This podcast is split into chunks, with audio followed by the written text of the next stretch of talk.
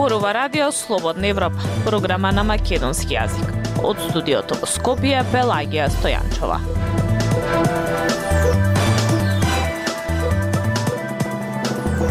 Во денешната емисија на Радио Слободна Европа објавуваме бавна правда за жените кои бараат одговорност од системот за нивното лекување. Малите хидроцентрали се уште ја брануваат шара. Ескобар очекува Косово и Србија годинава да постигнат договор. Слушајте не.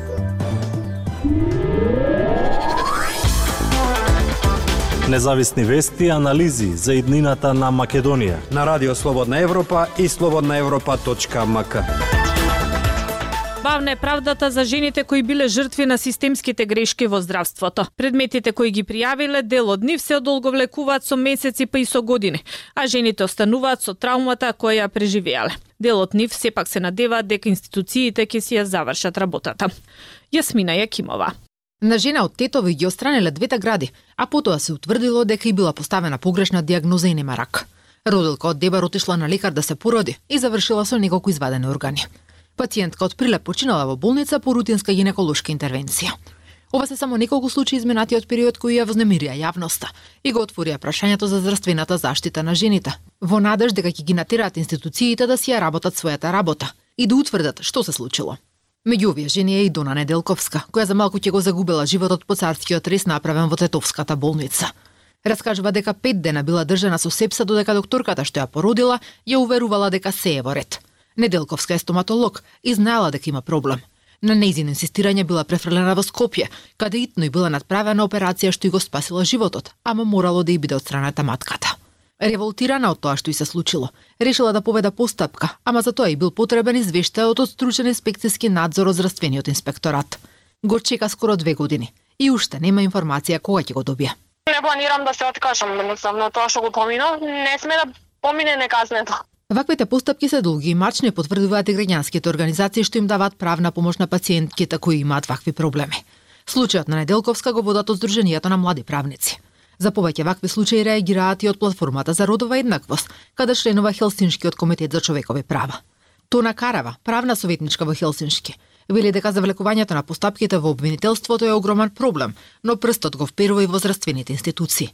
Појаснува дека вештачење во вакви случаи треба да направат стручни лица. По обвинителството се обраќа до лекарската комора или до судска медицина, од каде долго време се чекаат одговори. Сите институции мора да имаат предвид какво кривично дело станува збор и за какви последици со какви последици се соочуваат жртвите за да може истражната постапка да биде затворена побрзо и да може да се донесе јавно обвинителска одлука за тоа дали ќе се поднесе обвинение или ќе се отфрли кривичната пријава. Па така обвинителството молчи веќе 5 години за ампутација на градика и жена поради погрешна диагноза за канцер. Ова е последниот случај што ја шокираше јавноста, а со кој добро се запознаени во Хелсиншки. 56 годишната пациентка од Тетово тврди дека лекарите сугерирале итна операција, бидејќи се сомневале дека има рак, за потоа да добија резултат дека има само мастит. Неодамна пак Прилепското обвинителство отвори предмет за 52 годишна пациентка која починала по рутинска гинеколошка операција. Судењето на родилката од Дебар, Јилди Свеаповска, која при породувањето со царски рез во 2020 година остана без бубрек, матка и јајник, веќе неколку пати се одложува. Таа остана без три органи по интервенција во тим во кој учествуваше тогашниот директор на Струшката болница, за кој потоа се утврди дека имал нелегална ординација. Според правната советничка Карава, сите овие случаи се потврда за тоа дека државата треба да посвети сериозно внимание на сексуалното и репродуктивно здравје. Ова се случува во земја, во која со месеци се чекаат термини за прегледи, Нема доволно лекари и матични гинеколози, а огромни пари од граѓаните се слеваат во приватното здравство. Радио Слободна Европа, светот на Македонија не запира конфликтот во Шар планина меѓу тие што сакаат да градат мали хидроцентрали и оние кои се борат за заштита на националниот парк. Ова се случува и покрај донесениот закон за прогласување на Шара за заштитено подрачје и помпезните ветувања на властите дека со тоа ќе запри изградбата на малите хидроцентрали. Владимир Калински има повеќе на оваа тема. Иако законот за прогласување на Шарпланина за национален парк беше донесен пред две години, и натаму постои можност за заобиколување на забраната за изградба на мали хидроцентрали. Тоа се случува бидејќи Министерството за животна средина и просторно планирање не го подпишува планот за управување со националниот парк. Со тоа се овозможуваат нови барања за изградба на мали хидроцентрали на Шарпланина, некој од нив во строго заштитена зона, зашто алармира јавното предпријатие Национален парк Шарпланина, задолжено да ја штити територијата на паркот од 63.000 хектари. Планот за управување е документ во кој се дефинирани сите забранети и дозволени активности за следните 10 години, а кој конкретно забранува изградба на нови мали хидроцентрали во подрачјето на националниот парк. Со самото прогласување на националниот парк беше кажано дека изградба на нови хидроелектрани нема да има, бидејќи не е во согласност со законите на природата. А во меѓувреме помина и стратешката оценка на планот за планот за управување на националниот парк во која единствена препорака која произлегува од неа е да се спроведува предложениот план за управување, а за кој нема никаква забелешка по однос ни ставот за неизградба на нови хидроелектрани. Вели за Радио Слободна Европа Анела Ставревска Панајотова од Националниот парк Шарпланина. Во јуни 2021 година Шарпланина беше прогласена за национален парк, До незиното прогласување беа издадени десетици дозволи за изградба на мали хидроцентрали. Сега на територијата на паркот работат 8 мали хидроцентрали. Три се во процес на градба и според планот за управување рокот од една година да бидат завршени е веќе истечен. И додека се чека планот да го подпише министерот за животна средина и просторно планирање, јавната установа се соочува со притисок од нови барања за изградба на мали хидроцентрали – Само во изминативе два месеца јавното предпријатие добило три нови барања за мислење за користење на реките за производство на струја, како и едно барање од минатата година. Без позитивно мислење од Националниот парк, Министерството за животна средина не може да издаде дозвола за изградба на хидроцентрала. Од Националниот парк тврдат дека не издале ниту едно позитивно мислење, но се загрижени од можност за обиколување на процедурата.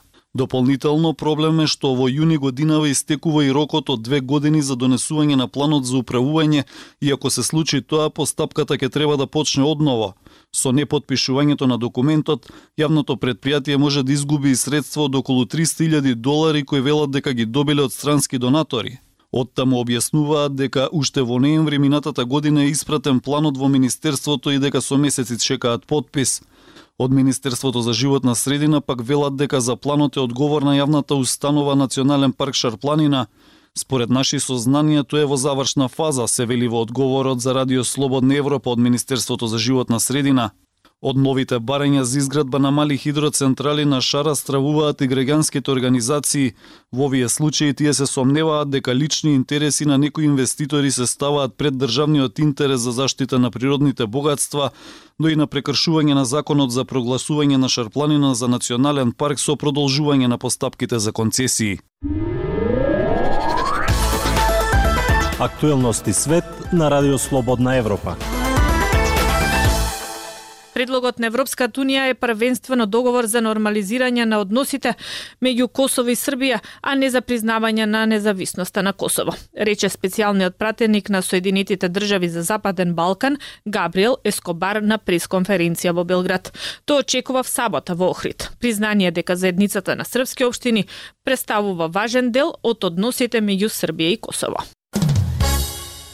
Очекувам оваа година да се постигне договор за нормализација на односите меѓу Србија и Косово, рече на 16 март специјалниот пратеник на Соединетите држави за Западен Балкан Габриел Ескобар. Тој одржа пресконференција во Белград.